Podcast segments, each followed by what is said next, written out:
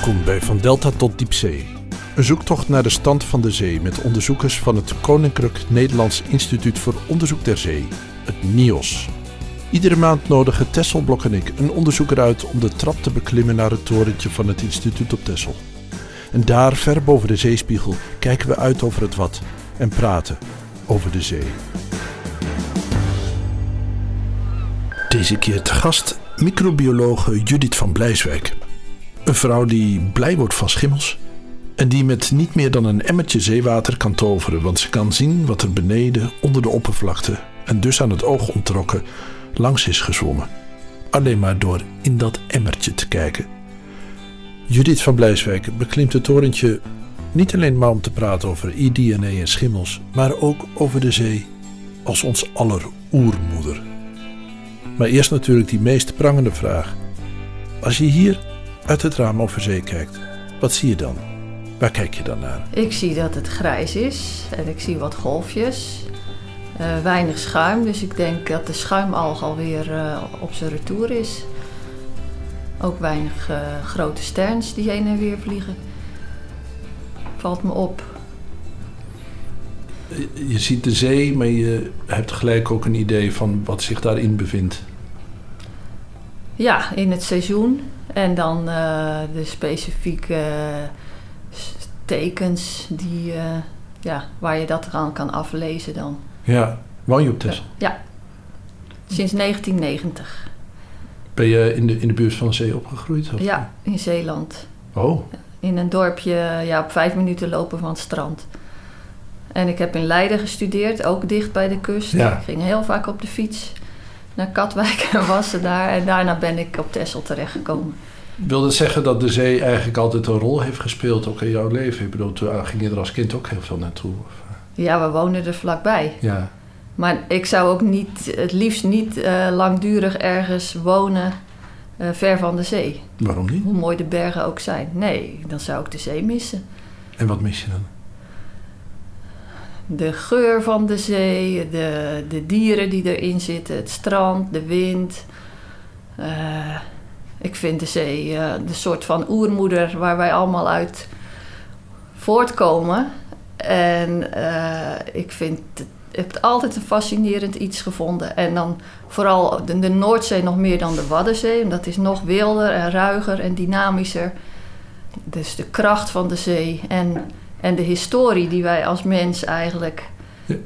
uh, met de zee delen. Want nou ja, het oerleven is in de zee begonnen. Je hebt echt een hele brede blik. Je hebt een blik gewoon van, iemand die daar is opgegroeid, die het prettig vindt om er te zijn. Uh, zintuigelijk, uh, van de geur. Je hebt een evolutionaire blik erop. Je hebt, uh, je hebt het over de soorten. Je hebt een, bijna een geologische blik erop. en een historische. Het lijkt wel alsof alles erin samenkomt voor jou. Het is ook zo. Ja. Ja. Ik ben uh, nu in mijn huidige beroep ook heel breed, zeg maar. Ik ben bij allerlei aspecten betrokken. Maar dat hele brede, dat, dat, uh, ik heb altijd allerlei onderwerpen leuk gevonden. Dus ja. zowel de biologie als de geologie. Je leidt aan maar, een brede belangstelling, zeg maar.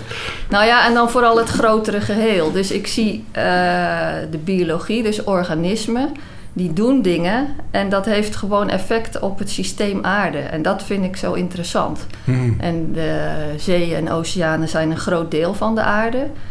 Dus de processen die daar in, zich in afspelen, die zijn relevant voor de aarde als geheel. Ja. Dus ik vind juist die kleine dingen in het water, bacteriën, en dan die grote gevolgen, dat vind ik super interessant. Ja, ik moet eraan denken dat, er, dat de tendens natuurlijk in de wetenschap, als we het toch over de geschiedenis hebben van de laatste eeuwen, is uh, verdere specialisatie en verdere blikvernauwing en kijken naar kleine dingen. Terwijl, ja, bij, bij jou komt zeg maar het hele spectrum meteen aan. Uh... Ja, maar ook wel de kleine dingen. Ja, want je bent moleculair bioloog, dat zijn natuurlijk hele kleine dingen. Ja, dan zit je echt op uh, ja, nanometer schaal en moleculaire schaal zit je dingen te onderzoeken. Maar uh, de resultaten zijn van belang voor, voor het grote plaatje. Dus je kan daarna wel uitzoomen ja. en uh, bedenken: oké, okay, wat, wat betekent dit nou voor een zee of voor een ecosysteem of voor de aarde als geheel? Ja. Dus die berekeningen die komen dan daarna. En dat vind ik grappig. Ben je ook als moleculair bioloog afgestudeerd of ben je erin ja. gepromoveerd? Ja. Kan je herinneren hoe het kwam dat je dat ging doen? Nou, gelijk in mijn eerste jaar biologie vond ik het al frappant dat uh, bacteriën en, uh, en cellen van mensen eigenlijk uh, heel veel gemeen hebben. Ja. En het DNA lijkt ook op elkaar. Dus er zijn hele stukken in ons DNA die exact hetzelfde eruit zien in een bacterie. Dus zeg maar die hele verbinding tussen alles, dat geeft dat DNA ja. aan. Dat vond, dat vond ik gelijk ontzettend interessant. En ik wilde in eerste instantie geen ecologievakken doen. Uh, ik heb brieven geschreven naar de, uh, om die maar over te mogen slaan om alleen maar moleculaire dingen te Echt onderzoeken. waar? Ja, toen ben ik van Leiden nog naar Amsterdam gegaan om nog meer moleculaire vakken te volgen. En achteraf heb ik daar eigenlijk een beetje spijt van. uh, omdat we, wat we nu zien is dat we, waar begon dat DNA-onderzoek vooral, was vooral bacteriewerk. En nu wordt het dus ook bij grotere organismen heel veel toegepast. Ja. Dus uh, zit ook helemaal verweven met de ecologie. Wat mij opvalt in wat je vertelt, het, is eigenlijk hetzelfde als je naar de zee kijkt. Dat je in de zee gelijk het hele systeem ziet. Je ziet in een bacterie ook gelijk een heel organisme. Daarin zie je dus ook de evolutie. Het samenklonteren van een aantal cellen. Dat hele kolonies worden en die hele kolonies worden organismen. Ik kan me best voorstellen dat dat je dan het idee hebt dat je als je het kleine bestudeert, dat je gelijkertijd ook het grote bestudeert. Ja, dat, dat is zo. En recent op het NIOS hebben we uh, nieuwe onderzoekers uh, binnengekregen die juist naar de, de, die oerorganismen, dus de, de, de oudste uh, gemeenschappelijke voorouder, dus dat, dat hele verhaal van, hoe, ja. van het leven, die, die, daar doen zij onderzoek aan. En uh, dus via onze afdelingspraatjes uh, krijg je daar dan ook allemaal informatie over. Heb je het dan over, over organismen van de tijd voordat ze zich hebben afgesplitst in, uh, in planten en dieren ja, in en de schimmels? drie domeinen eigenlijk. Ja. Dus, ja. De, en, en die beesten bestaan nog? Nee. Oh, nee, nee. Maar dat is gewoon een kwestie van terugredeneren. Ja. Er is natuurlijk nog DNA aanwezig ja. in, in andere organismen van, van die oervorm. Dus door het DNA te bestuderen kan je een beetje terugpuzzelen hoe de, ja, hoe de oercel eruit heeft gezien. En ja, en dat was een cel, maar ik dacht dat het nog niet eens duidelijk was of die nou DNA had of, of RNA. In ieder geval wel een aantal celcomponenten die, die Ja. wij nu ook hebben. Maar het hele proces is interessant. Het is eh, een leuk, eh, vind ik, een, een heel interessant onderzoeksgebied. Want als je, als je dat dan weet, wat weet je dan? Ja, wat onze over, over, over, over grote ouder is. Word je dan niet geplaagd door de vraag... maar waar kwam die dan vandaan? Waar die dan weer vandaan kwam. Ja, dat, daar eigenlijk- werken ook mensen aan. En, en dan weer niet hier op het NIOS. Je bedoelt de eerste levens... eh, v- Ja, want wat, je bent dan bij de eerste, nou ja, celachtige, voorouder van Ja. iedereen. Maar er is een moment geweest dat die er nog niet was. ja, En daarna was hij er wel. ja. Ja, dat daar je, ben dat ik je, geen specialist in, moet ik eerlijk zeggen. Maar er zijn gewoon moleculen als je, die, die hebben bepaalde eigenschappen. Dus vetten, als je die eh, in het water gooit, dan maakt dat eigenlijk bijna al vanzelf een soort blaasje. Ja, En eh nou, het begin, de oertijd was natuurlijk een hoop eh, bliksems en straling. En er gebeurde van alles. Ja. Dus ja, daar is gewoon iets toevalligs gebeurd, denk ik. Eh, er er was zijn- ook heel veel tijd natuurlijk. er zijn groepen die daar onderzoek aan doen. Eh, dus sommige dingen kunnen ze namaken en andere dingen lukt nog niet goed. Maar er is gewoon een keer eh, iets ontstaan en dat is steeds complexer geworden. En natuurlijk ook door het samenvoegen van verschillende typen simpele micro-organismen. Ja. Dus de, de, je hebt sterrenkundigen die kijken naar het heelal en die kijken daarmee terug in de tijd. Maar ik heb de indruk dat als jij naar bacteriën krijgt, dat je ook probeert terug te kijken in de tijd. Nou, wat ik vroeger ontzettend leuke colleges vond, is van eh, Peter Westbroek. En dat ging dan over de hele geschiedenis van de aarde. Ja. Geobiochemie. En dat ging dan over ont- ontstaansgeschiedenis van het leven op aarde. Dus het begint dan met het ontstaan van de aarde, 4,5 miljard jaar eh, geleden. En dan eh, krijg je na, ja, op 3, en- 3 miljard ongeveer, dacht ik, zo'n eh, organisme die, of kleine plantjes die zuurstof produceren, cyanobacteriën. En die hebben gezorgd dat er zuurstof in de atmosfeer kwam. Uh, dus die hadden grootschalige effecten, hoe klein ze ook zijn. En dat vond ik heel interessant. Uh, en dan krijg je dus steeds vervolgstappen en uiteindelijk krijg je dan uh, ja, de mens op het allerlaatste moment ja. ook nog een keertje hier rondlopen. Ja. Dus de... Die dan weer terugkijkt in zijn bacteriën en daarmee terugkijkt in de oorsprong van zichzelf. Ja.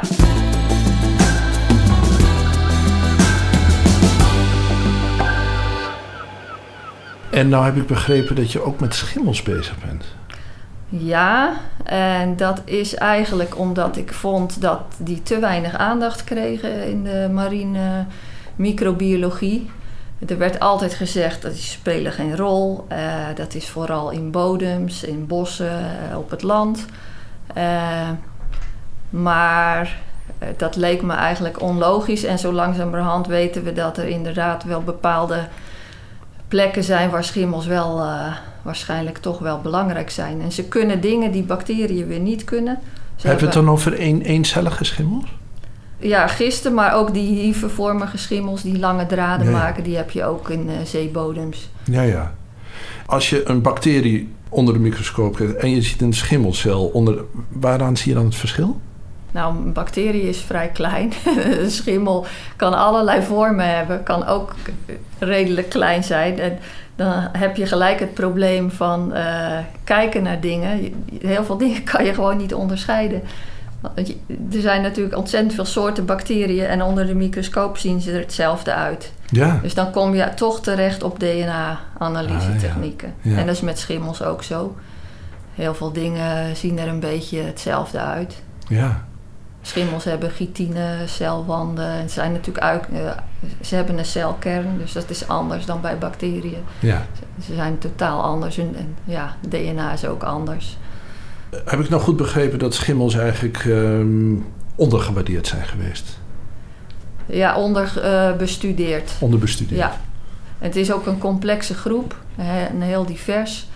En ehm, het is eigenlijk pas recent dat daar eh, binnen de marinewetenschap meer aandacht voor is. En dat begint nu wel echt eh, goed te lopen. Hm. Het aantal publicaties stijgt heel erg. En ehm, ik heb maar één dag in de week om aan die schimmels te werken. Ja. En ik heb één jaar Zeg je met spijt? meegedaan met vaartochten. En toen had ik voor het hele jaar al mijn, mijn, mijn dagen eigenlijk gebruikt. Dus het, eh, het, het schiet niet zo op. Maar ik merk dat heel veel mensen het nu oppikken. En dat ook binnen ander, on- andere onderzoeksgroepen mensen nu zeggen... oké, we kijken naar de bacteriën, maar we kijken ook welke schimmels op plastic gaan groeien. Ja. Eh, Ja, want wat is je vraag? Als je, naar, als je een schimmel bestudeert, wat, wat vraag je je dan af? Nou, er zijn op het NIOS allerlei onderzoeksvragen. Eén daarvan is welke organismen eh, kunnen plastic afbreken. Mhm. En ehm, daar zien we dat schimmels waarschijnlijk ook wel een belangrijke rol spelen.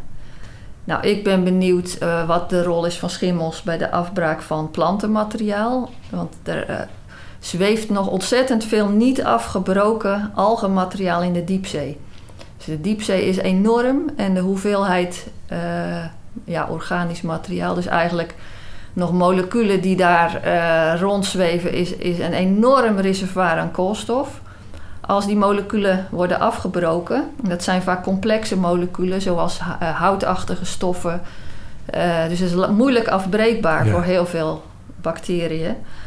Maar schimmels kunnen dat goed. Ja.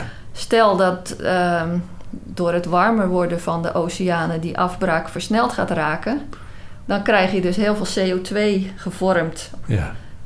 Op een plek waar het eerst minder zat. Eh, dus ik, zou eigenlijk willen berekenen of dat een belangrijke factor is of niet. Ja, ja. Maar dan moet je dus eerst de schimmels isoleren, dan moet je ze kunnen kweken, dan moet je gaan kijken, oké, ik ga temperatuur verhogen, ik bied eh, bepaalde moleculen aan, hoe snel wordt het afgebroken. Dus het is echt een beetje een lange termijn. Een, een wereld die nog helemaal onbekend is.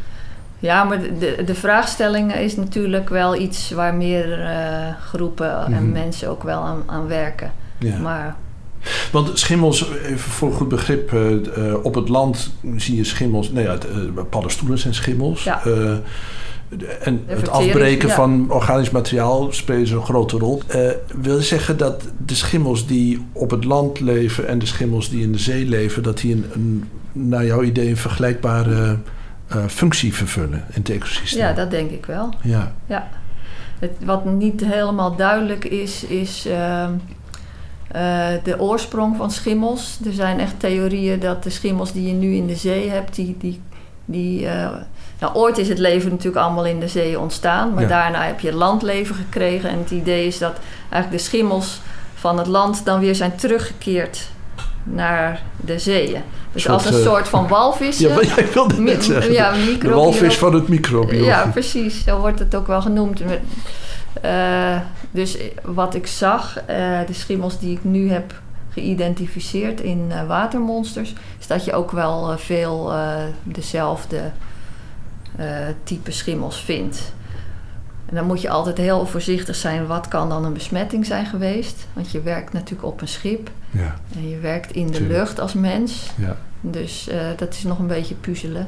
Is het waarschijnlijk of mogelijk dat je schimmels van het land zelf hebt meegenomen die door jouw aanwezigheid zich in de zee. Dat kan me toch nauwelijks voorstellen. Nou, alle rivieren monden natuurlijk, Natuurlijk, uit. In, ja. eh, dus er komt enorm veel eh, materiaal in de zee en oceanen terecht. En ja, daar zitten al schimmels op. ja, en sporen van schimmels eh, gaan ook via die, bijvoorbeeld die woestijn. die stofstormen komt allemaal in de oceaan terecht. Ja, maar daar zit natuurlijk ook van alles op. Daar zitten Ja. ook schimmels op, Ja, heb ik gemeten. Ja. en er zijn schimmels die zo resistent zijn of zo makkelijk kunnen blijven voortbestaan dat ze, of ze nou op het land zitten of in een rivier of voor de zee, het maakt niet uit. Nou ja, ze moeten dus tolerant zijn tegen zout. Ja, Maar eh, denk aan je, je soep thuis, die je te lang hebt laten staan. Daar komt ook schimmel op groeien uiteindelijk. Dus ja, schimmels eh, kunnen vrij veel verschillende leefomstandigheden aan. Ja. Niet allemaal, maar natuurlijk eh, heel, heel veel wel. Dus als zo'n schimmel dan in de zee terechtkomt en ja, dan kan die soms daar gewoon eh, blijven voortbestaan en zijn, zijn, zijn, zijn ding doen, zeg maar. want de schimmel heeft geen. Hoe houdt hij zijn Ja, ja. stofwisseling op peil? Of- Nou, dat de schimmel bestaat niet. Er Oh. zijn afgrijzelijk veel verschillende eh, voor, so- eh, soorten schimmels. En sommige hebben zuurstof nodig en andere kunnen prima in zuurstofloze omgeving eh, groeien. Dan gebruiken ze in plaats van zuurstof andere moleculen. Is dat ook een onderdeel van je werk? Dat je schimmels tegenkomt en denk, denk van, nou, die is nog helemaal niet beschreven, dat ga ik doen. Dat kan er zomaar bij komen. Dat is, het is niet mijn vraagstelling. Ik, ik ga zoeken naar onbekende schimmels. Nee, maar je, je, je komt ze vast tegen. Dat kan. Ja, Ja, dat is bij bacteriën ook nog steeds mogelijk. ja. Dat je nieuwe soorten bacteriën ontdekt. En is het dan zo dat je, als je ziet hoeveel die schimmels kunnen, dat je daar ook een verwondering voor krijgt? Of dat je denkt, goh, wat een mooi beestje eigenlijk? Of, Ja, een ander organisme kan weer wat anders. want stel dat ze er niet zouden zijn in de zee, wat zouden we, waar zouden we dat aan merken? Ehm, nou, dan heb je andere kringlopen. Dan heb, je minder snelle kringloop, denk ik. En heb, zou je nog meer eh, ophoping krijgen van, ehm, van allerlei moeilijk afbreekbare moleculen. Het zijn de slopers eigenlijk. Het zijn de slopers. En eh, recent stond in de krant eh, dat de bodems zijn reservoirs voor niet afgebroken moleculen. Hè. Dat is eigenlijk een CO2-opslag. Maar als die schimmels heel snel eh, alles eh, zouden afbreken, dan, dan is dat die reservoirfunctie wordt dan minder. Ja, Dus dus eh, in dat opzicht zijn ze gewoon van, is, er, is het belangrijk om te begrijpen hoe, hoe, hoe schimmels leven en wat beperkende factoren zijn bij hun groei. virussen bijvoorbeeld? Wie, wie is... nee, maar heeft, heeft de schimmel een vijand? Ongetwijfeld. Ja, schimmels worden gegeten door eh, hogere organismen. En virussen hebben ze vast ook.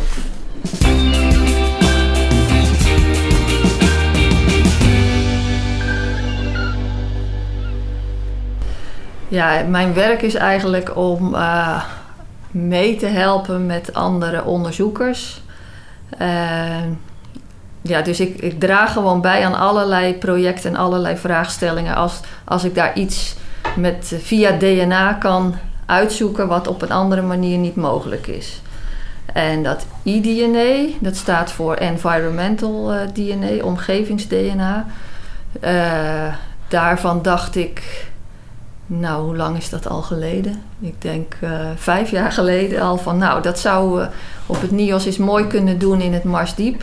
Ja. Uh, en gebruiken om uit te zoeken welke vissen hier rondzwemmen. Dus we hebben dat toen een, een, soort project opgezet. Mag ik, eerst, mag ik eerst vragen dat je, of je even uitlegt hoe het werkt? Want um, want je zegt vijf jaar geleden, daarvoor werd het niet toegepast hier op, uh, nee. op NIOS? Oké, dus je hebt, je hebt IDNA, die methode van, heb je geïntroduceerd. Maar wat is die methode? Dat is gewoon een, een emmertje water en dan? Ja, dus iDNA is DNA dat eigenlijk los in de omgeving uh, aanwezig is. Dus als je hier uh, deze ruimte waar we nu in zitten zou stofzuigen en je zou dan het materiaal uit de stofzuigerzak naar het laboratorium brengen en daar DNA uit isoleren, dan, dan vind je DNA ja, van jou en van jou en van mij. En nou ja, ik weet niet wat, wat verder, wat vliegen misschien die hier hebben rondgelopen. Wat hier allemaal leeft. Maar zo is het ook in het ja. water. Dus uh, in, in gewoon een koffiemok met water zweeft DNA. En uh, dat is losgelaten door dieren die in het water leven. Uh, nou, vissen zwemmen door het water heen en die verliezen slijm en ze verliezen, hoe noem je het, scales, schubben. schubben. En daar zit allemaal DNA in. Dus er wordt continu DNA afgegeven aan de omgeving. ik heb, wat had ik uitgerekend?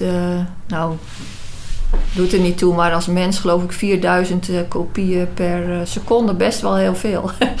ja? uh, maar dat is ook in het water, dus met een koffiemok water en dan de analyse van de DNA zie je welke organismen er ja, in het water. Maar zeg je nou die 4000, wat betekent dat? Betekent dat dat als ik in het water spring en ik ben daar een seconde in, dat ik dan 4000 exemplaren van mijn DNA aan dat water heb afgegeven? Ja, waarschijnlijk wel. Jeetje. Ja. ja. En dat is met slijm en... Uh, ja, huidcellen. Oorsmeer. Ook. Ja, Alles wat je maar kan bedenken. maar heel veel huidcellen en ja. Maar dat, dat wil zeggen dat als ik, als ik in de zee spring en ik ga er weer uit... en jij komt daarna met een emmertje... en je gaat met het emmertje naar, je, naar het laboratorium... en je kijkt in het laboratorium... dan zonder dat jij weet dat ik daarin geweest ben, kan jij zien aan de resultaten dat er DNA, menselijk DNA in zit. En het ja. kan zelfs zo ver zijn dat als je naar 23andMe gaat en mijn DNA uh, opvraagt, dat je kan zien dat ik daar gezwommen heb. Nou, dan moet ik heel snel uh, een monster nemen nadat je er bent ingesprongen. Want het is wel zo, de DNA wordt afgebroken. Hmm. En dan kan je die hele fine-tuning van uh, tot op de, uh, de persoon... kan je op een gegeven moment niet meer doen. Oké, okay, dus, dus je moet er heel snel bij zijn om de hele persoon. Maar je, kan, je hoeft niet zoveel haast te maken om te zien dat er een mens was. Klopt, ja, dat is makkelijker. Want hoe lang blijft dat dan hangen zo? Dat is, het lijkt afhankelijk te zijn van de temperatuur en ook van de fosfaatlimitatie in het water. Want DNA bevat fosfaat en bacteriën willen altijd fosfaat uh, eten. Dus als er weinig fosfaat in het water is, dan zijn er waarschijnlijk meer bacteriën die dat DNA aanvallen. En sowieso wordt het DNA steeds in kleine stukjes gehakt door allerlei processen. En uh, je hebt een halfwaardetijd, uh, daar, daar spreken we over bij DNA. En die ja. is bij 15 graden is dat, dacht ik, 6 uur. Oh, dan heb je okay. nog maar de helft. Dus 6 uur later heb je daar weer de helft van. Dus zo... Moet wel dezelfde dag dus. Nee, het, blijft, het, het, het hangt er natuurlijk vanaf hoe groot je beginhoeveelheid is. Maar het gaat wel steeds, het wordt wel steeds minder. Maar vissen die blijven natuurlijk DNA aan het water toevoegen. Ja. Dus je hebt een heel goed uh, een idee van de situatie... Uh, zoals die is op het moment van sampling. Maar er kan ook nog wat ouder spul natuurlijk rondzweven. Waarom heb je gedacht, hé, hey, daar heeft het NIOS wel wat aan, aan dat meetinstrument? Nou, NIOS heeft ehm, sustainability, hoe noem je dat? Duurzaamheid natuurlijk ook hoog in het uh, vaandel. Ja. En als je onderzoek doet, dan ontkom je vaak niet aan het vangen van allerlei dieren. Ja. Uh, en dit is een, eigenlijk een niet-invasieve onderzoeksmethode. Dus je kan uh, kijken wat voor vissen er in het water zitten zonder ze te vangen. Ja. En hier is het vangen nog redelijk eenvoudig, maar heb je een koraalrif, dan met allerlei gaten en hoekjes en grillige vormen, dan kan je ook voorstellen dat heel veel dieren zich verstoppen. Dus het Ja. is, heeft eigenlijk meerdere voordelen, dat, dat iDNA. Maar, maar is het niet zo dat als je... Tenminste, ik kan me voorstellen dat als het zo is... dat je met een, met een, een emmertje water... als je dat analyseert... dat je kan zien wat er in het water leeft... zonder dat je het hoeft te vangen... en je realiseert je dat in dat water... ontelbaar veel verschillende organismen rondzweven... die je niet kan zien... en dat daar ook wat grotere vissen doorheen... dat, het, dat er zo ontzettend veel in leeft dat als je dat gaat organiseren, dat je een, een kakofonie krijgt van informatie. Of kan je heel gericht gaan? Je zoeken? kan ook gericht zoeken. Want dat is het leuke van, van DNA-technieken. Uh, het, het, DNA van, van planten en dieren bevat stukjes die informatie geven over de soort, maar het bevat ook stukjes die informatie geven over een individu. Dus uh, wat ik heb gedaan voor de Waddenzee is kijken naar het DNA van alleen gewervelde dieren. Oh. Dus uh, alle ongewervelde heb ik even buiten beschouwing gelaten. Dus ik kan door de keuze van mijn uh, DNA-techniek bepalen waar ik me op focus. Je, wil bij wijze van spreken alleen haring zien in jouw emmer. Kijken of er haring is. Oh, dat kan ook. En dan kijk je naar iets heel specifieks van haring. En dan ga je dat zoeken en dan kijk je of het erin zit of niet? Ja, dat, dat, dan zit je al tegen een diagnostische test aan. Zoals je dat ook met bacteriën kan doen, kan dat ook voor uh, grotere dieren. Dus ik zoek dan in de DNA-databank naar een stukje DNA dat alleen de haring heeft en geen enkel ander beest. Nou, en dan kan ik dat gebruiken in mijn uh, ja, analyses die, ja, om op die haring te focussen. En, maar dat kan je dus ook breder maken, namelijk stukjes DNA die alleen gewervelden hebben. Ja, en dan krijg je de totale leefgemeenschap van de gewervelde dieren. Ja, want dan krijg je, dan krijg je dus uh, vis, um, hoe heet het? Bruinvis, uh, bruinvis walvisachtige, walvisachtige ja. zeehonden, ja. badgasten. Ja, dat zit er dan allemaal in. Maar als ik dan ga analyseren, uh, dan gooi ik eerst al die, die walvissen en de badgasten en de, de mensen en, de, en de, al dat gooi ik er dan uit. En dan beperk ik me even tot de vissen als dat de vraagstelling is. Ja, en dan krijg je een waarde voor, voor vis. Um, hè, je hebt een emmer genomen en dan heb je een waarde voor. Nou, er is inderdaad vis en dat is waarde X. Maar hoe weet je dan hoeveel het is? Want je moet het eiken, neem ik aan. Ja, nou, je, je krijgt. Uh, je krijgt een aantal stukjes DNA van een bepaalde vis. Krijg je eruit. Dus ik vind uh, bijvoorbeeld uh, 50.000 stukjes haring en uh, 33.000 stukjes uh, makreel. Of, nou, en dan van al die vissen. Uh, en in eerste instantie zijn dat relatieve hoeveelheden die je als, als resultaat krijgt. Maar dan kan je een extra test doen en dan kan je de absolute hoeveelheid DNA bepalen per liter zeewater. Dus dan combineer ik de relatieve getallen tussen de vissensoorten met het totaal aantal stukjes DNA in een liter water. En dan op die manier krijg ik dan, oké, per liter waddenzeewater zit er nou ja, 6000 kopieën van een haring. Maar dan weet ik nog niet hoeveel, hoeveel haringen dat zijn. Dat weet ik dan nog steeds niet. Want het kan een grote dikke zijn geweest. Het kunnen tien kleintjes zijn geweest. Ja. Het kan eh, er één geweest zijn die een week geleden heeft rondgezwommen. Nou, dat, Snap je? dat, Dus is een zijn- halfwaardetijd, toch? Dan, je kan, Precies, maar dat weet je niet. Ik weet niet hoe oud het DNA is, wat ik kan. Nee, je hebt niet de hele streng. En dan heb je precies de beperking ook van de methode. Ja. Eh, dat, dat is dus lastig. Maar ik, ik weet dan dat het NIOS al decennia lang hier een fuik heeft staan waarbij ze vangen. En dat geeft natuurlijk ook een soort index van hoeveel vissen. Dat, ga je, dat is nou, het loopt al zo lang dat onderzoek dat Ja. het toch ook een idee geeft. Is het zo dat je dat, je dat kan gebruiken als eikpunt? Nou, dat hebben we gedaan. We hebben over, eh, even denken, zes maanden de resultaten vergeleken. Van een wekelijks eDNA-monster met eh, de- alles opgeteld in een week van de dagelijkse fuikvangsten. Dus elke dag eh, is de fuik geleegd. En eh, de resultaten daarvan hebben we vergeleken met Ja. dat eDNA. En, en vind je dan correlaties? Ja, tussen de, de massa van de vissen en de hoeveelheid DNA in het water. Dus niet het aantal vissen, Nee. maar echt de massa. Dus En een dat één komt- grote vis of tien kleine vissen. Het is net wat je Ja, dat, zei. dat, dat, Ja. dat weet je niet. Maar misschien in de toekomst, als je zou kunnen bepalen eh, hoeveel individuen je van een bepaalde soort hebt. Dus als je wel gaat kijken naar die hele variabele stukjes DNA, dan kan je misschien kijken: oké, ik had zoveel individuen. Ja.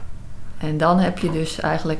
eh, Want om- omdat het je DNA van, eh, ook van specifieke dingen die alleen bij een haring, die zullen onderling ook verschillen, omdat de ene haring van de andere verschilt. ja, zoals wij ook eh, ja. van elkaar verschillen, zo verschillen verschillende individuen van di- dieren dus ook. Maar dan moet je dus nog wel wat extra analyses uitvoeren. Je bent een sporenzoeker geworden. Het is, het is spoorzoeken, ja. Ja.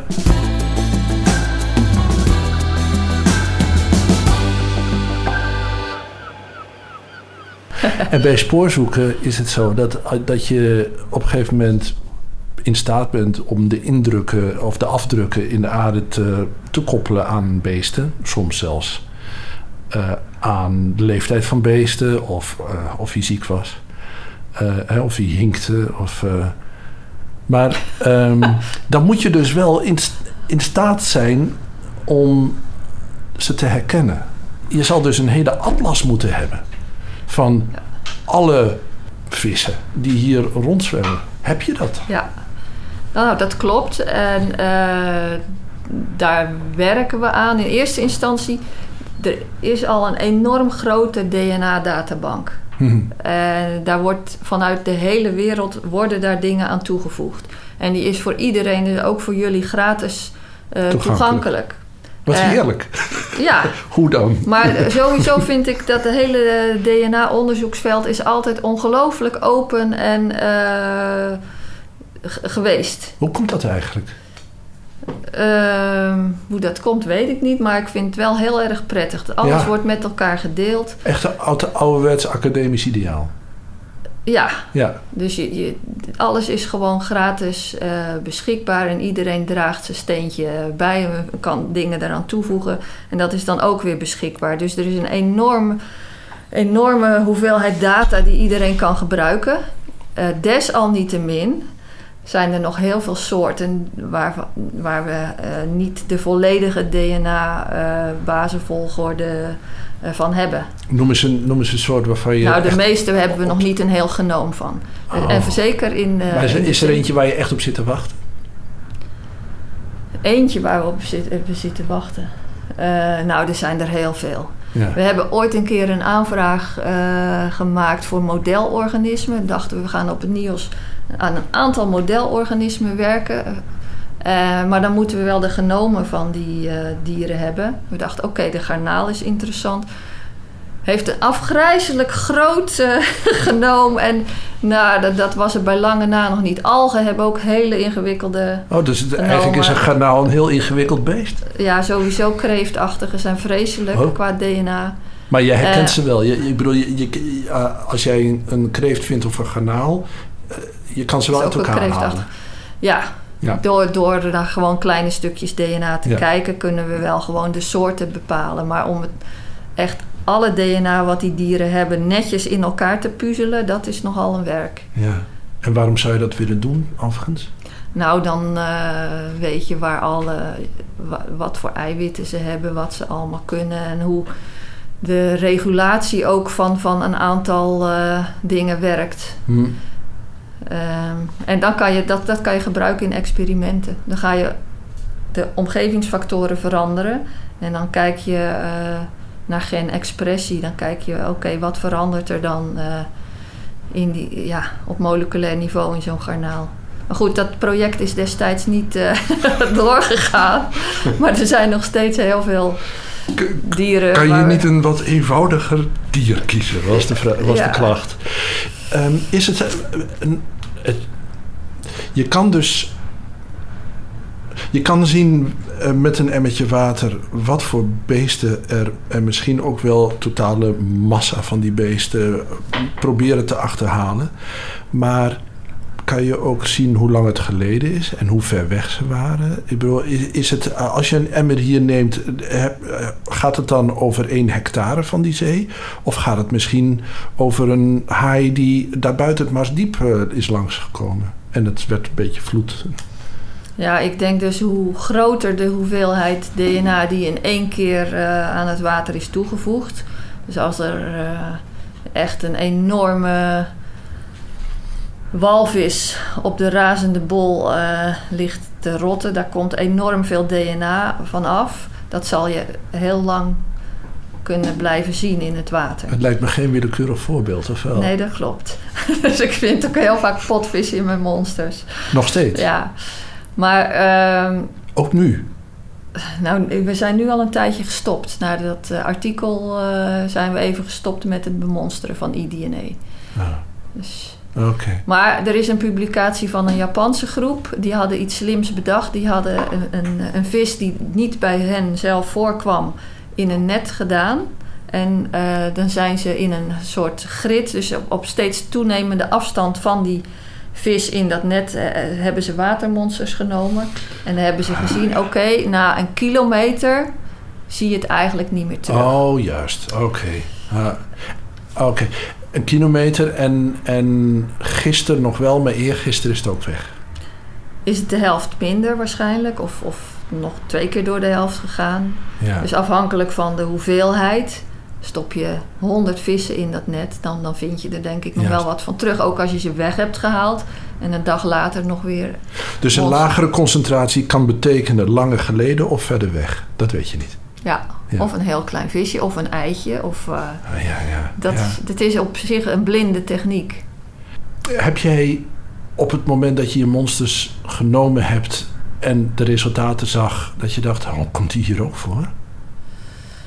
Uh, nee, dat niet. Nee. nee dan, maar de Waddenzee is natuurlijk vrij goed uh, bemonsterd en uh, beschreven. Ja. Dus we hebben geen gekke dingen gevonden en eigenlijk ook geen zeldzame dingen. Nee. Nee, nee omdat de zeldzame dingen misschien ook nog niet helemaal goed beschreven zijn. Ja, je, je, je, hebt natuurlijk allerlei informatie die je niet kan duiden, omdat je niet weet wat het, waar het vandaan komt. Wat, wat, wat, is, wat, wat zou je heel graag willen dat de methode zou kunnen, als je het zou, verder zou kunnen fijnslijpen? Of wat zie je als mogelijkheden die nu nog niet voorhanden zijn? Nou, wat ik net, wat ik net eigenlijk vertelde, dat je ook uh, in het DNA zou kunnen zien hoeveel individuen van een bepaalde Ja. soort aanwezig waren. Dat zou een mooie toevoeging zijn. Ja, dat wordt eh, door eh, collega's eh, uit Wageningen wordt dat nu gestart voor eh, bruinvissen. Oké. Dus dat ze op individueel niveau gaan kijken welke bruinvis er rondzwemt. Want ik heb begrepen ook van iemand van Rijkswaterstaat dat zij ook deze techniek gebruiken om te kijken wat er in de Rijn of de zalm alweer in de Rijn zit. En Ja, dat kan. dus het, het, het, is eigenlijk, het heeft al een vrij grote toepassing. ja, Ja. Die, op het moment dat je dat hebt uh, geïntroduceerd bij het NIOS, zijn, uh, ben je opeens uh, populair natuurlijk bij, bij collega's die aan jou vragen kunnen stellen die ze eerst niet konden beantwoorden. Wat is de leukste vraag die je hebt kunnen beantwoorden? Want het, het, heeft ongetwijfeld wat toegevoegd. Nou, op het iDNA-vlak nog niet echt. Maar ik heb nog heel veel monsters liggen die ik echt moet uh, uitwerken. We, gaan, we zijn eigenlijk met de Waddenzee hebben we bewezen dat het werkt. De Noordzee is nog weer, een, uh, is nog weer wat moeilijker. En ik heb nog mo monsters van de Saba-bank. Daar verwacht ik inderdaad wel uh, misschien ja, dingen, onbekende soorten. Ehm, Want die Saba-bank, ja. dat heb je toen op, op de, de Nico-expeditie? De Nico-expeditie, ja. ja. En die, liggen, die zijn hier allemaal nog. Maar de- daar is toch al eh, heel veel tijd overheen gegaan. Dus dat DNA is toch eh, afgebroken? Nee, dat heb ik al wel eh, gemeten, maar nog niet goed, eh, geen tijd gehad om dat goed op een rijtje te zetten. Ja, ja, ja. Nee, maar andere leuke dingen, want je hebt het nu over iDNA. Ik vond het leuk om samen met eh, Lodewijk eh, te ontdekken waar de eerste stadia zijn van kwallen. Er komen vijf soorten kwallen in, in Nederland voor. Eh, dat zijn het best grote dieren, die kan je gewoon zien. Maar die ontstaan, ze hebben een ingewikkelde levenscyclus. En één stadium is een polypenstadium. En dat zijn dingetjes van een millimeter. ja. En eh, die produceren kleine kwalletjes. Oh ja. Er snoert een kwalletje van los en dan keert het zich om en dan, dan wordt het een grote kwal. Het was totaal niet bekend waar die eh polypen eh, nou voorkwamen. Dat, over de hele wereld was dat zo. Dus we hadden een project Where are the polyps? Dan hebben we duizenden monsters en kleine dingetjes overal vandaan geplukt. Uit havens en van scheepswrakken. En met DNA-technieken gekeken. En dat was altijd alleen maar oorkwal. Dus nou ja, het was in ieder geval een kwal, maar niet die vier andere soorten. Nee. En ehm, vandaar dat het artikel eh, Where are the polyps? Het was nog steeds onbekend waar die voor vier soorten, heel algemeen voorkomende soorten voorkwamen. En ook tijdens die Nico-tocht hebben we monsters genomen en aan de binnenkant van gewoon dode schelpen, dus de Ja. kalk, gewoon eh, lege schelpen, zagen we kleine dingetjes. En daar, de- ja, inderdaad. Nou, dat was dan van een kompaskwal en eh, blauwe haarkwal. En waar was je op was dat dus moment? In het laboratorium. Nee, nee, maar, Oh, nee, maar waar kwamen die schelpjes van? Want ik ben de heel- Noordzee. Oh, gewoon de Noordzee Ja, toch? en, en als je ze dan eenmaal hebt gezien Ja. en, en, en hebt aangetoond met DNA, hé, hey, dat is eh, een, een kwalpolyp en niet een klein eh, wiertje of een dingetje. En je kijkt vervolgens onder eh, lege schelpen, dan vind je ze ook op het strand. En dan kan je dus nu beginnen Ja. met het echt inventariseren van wat zijn nou die oerstadia van kwallen. En eh, dus ons tweede artikel was Here are the polyps. en er is ontzettend vanuit de hele wereld is ontzettend veel belangstelling, want het was gewoon niet bekend waar die eh, stadia zich eh, ja, ophouden in, in zeeën en oceanen. En Ja. dan kan je dus ook nooit goed een soort begrijpen. Als je een heel stuk van de levenscyclus mist. En dan kan je ook niet begrijpen wat er gebeurt als er dingen veranderen in het water. Of als er eh, dammen worden gebouwd op bepaalde plekken. Of, eh, Maar die schelpen die zijn toch op wat ondiepere plekken in de Noordzee, dus in de kustzone eh, stroken? Of ver- vergis ik me nou? nou, lege schelpen vind je natuurlijk Ja, op heel veel plekken. Oh ja, natuurlijk. Dus dat kiezen ze gewoon uit. Ja, ik dacht, eh, nou komt er een onthulling dat de kompaskwal eh, eigenlijk in de Sargassozee of zo is. maar het is gewoon in de Noordzee eigenlijk. Nou, of gewoon. gewoon. Nu, het is nu Here are the polyps gaat over eh, waar je kan zoeken. ja. En de vervolgstap is, we gaan overal zoeken en op allerlei plaatsen en dan kijken we of er verschillen zijn tussen soorten ja. En of het dicht bij de kust of verder weg en eh, wat is het, eh, ja, dus het patroon. Dat is de volgende stap. En je bent nou dus vijf jaar bezig met het, eh, ja, dat is eigenlijk nog een vrij korte periode natuurlijk, met het, het toepassen van, van deze nieuwe manier van kijken en, en zoeken. Ehm, op basis van de resultaten maak je je zorgen? Zie je dat de soortenrijkdom afneemt of toeneemt of verandert? Of wat, wat valt je op?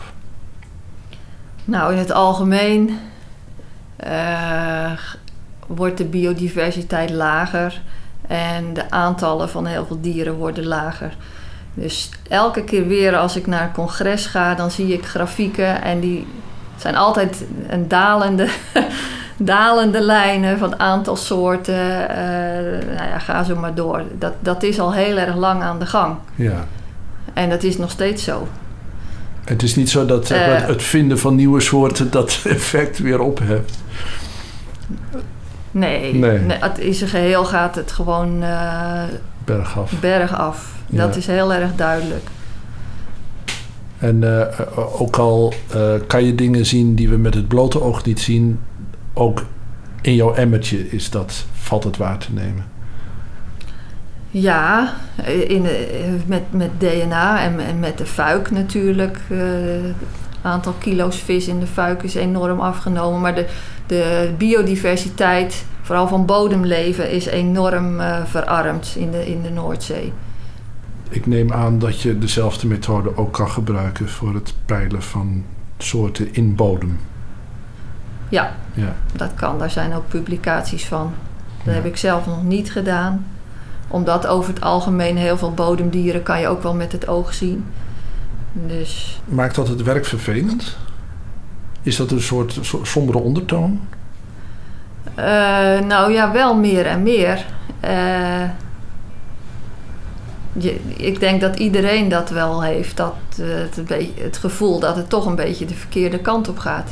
Op, op het land met, met de insecten, in de zee, met allerlei vervuiling, met uh, overbevissing. Je, je ziet gewoon de effecten van een hele grote populatie mens. Uh, en er is bijna geen plek meer op de aarde waar, waarbij je dat effect niet meer ziet. Het zit overal. Dus zelfs, je, je vindt de, mens ook zelfs terug in jouw emmer, zeg maar. Ook als ik een monster in de diepzee neem zelfs. Echt waar? Ja. Dus, maar er is heel veel scheepvaart, er is natuurlijk uh, riolering, er is... Uh, Ze zitten overal. We zitten overal. Ja. nou, jullie, ja, toch heel erg... we zitten helemaal op deze, op deze vrolijke noot. Ja. Uh, maar toch heel erg bedankt. Er is nog genoeg te genieten. Ja. Laat ik het zo zeggen. Oké, nou goed.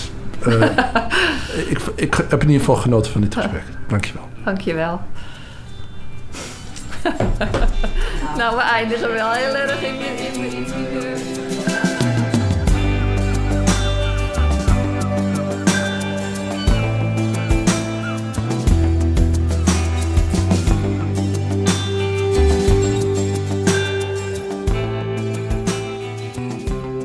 Dit was van Delta tot Diepzee gesprekken op Texel met zeeonderzoekers van het Koninklijk Nederlands Instituut voor Onderzoek ter Zee.